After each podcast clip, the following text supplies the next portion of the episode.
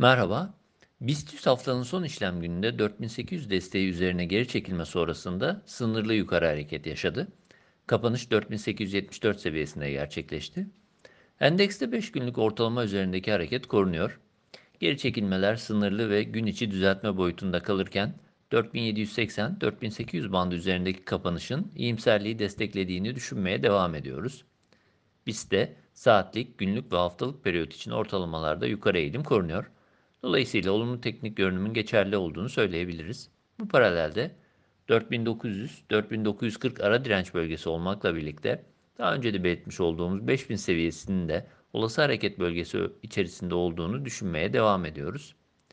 BIST 100 için 4800-4750 yakın destek, 4600 seviyesi altı ise kısa periyot için zayıflama bölgesi olarak düşünülebilir. Bu bölge üzerindeki hareketin korunması iyimserliğin devamını destekleyici olacaktır.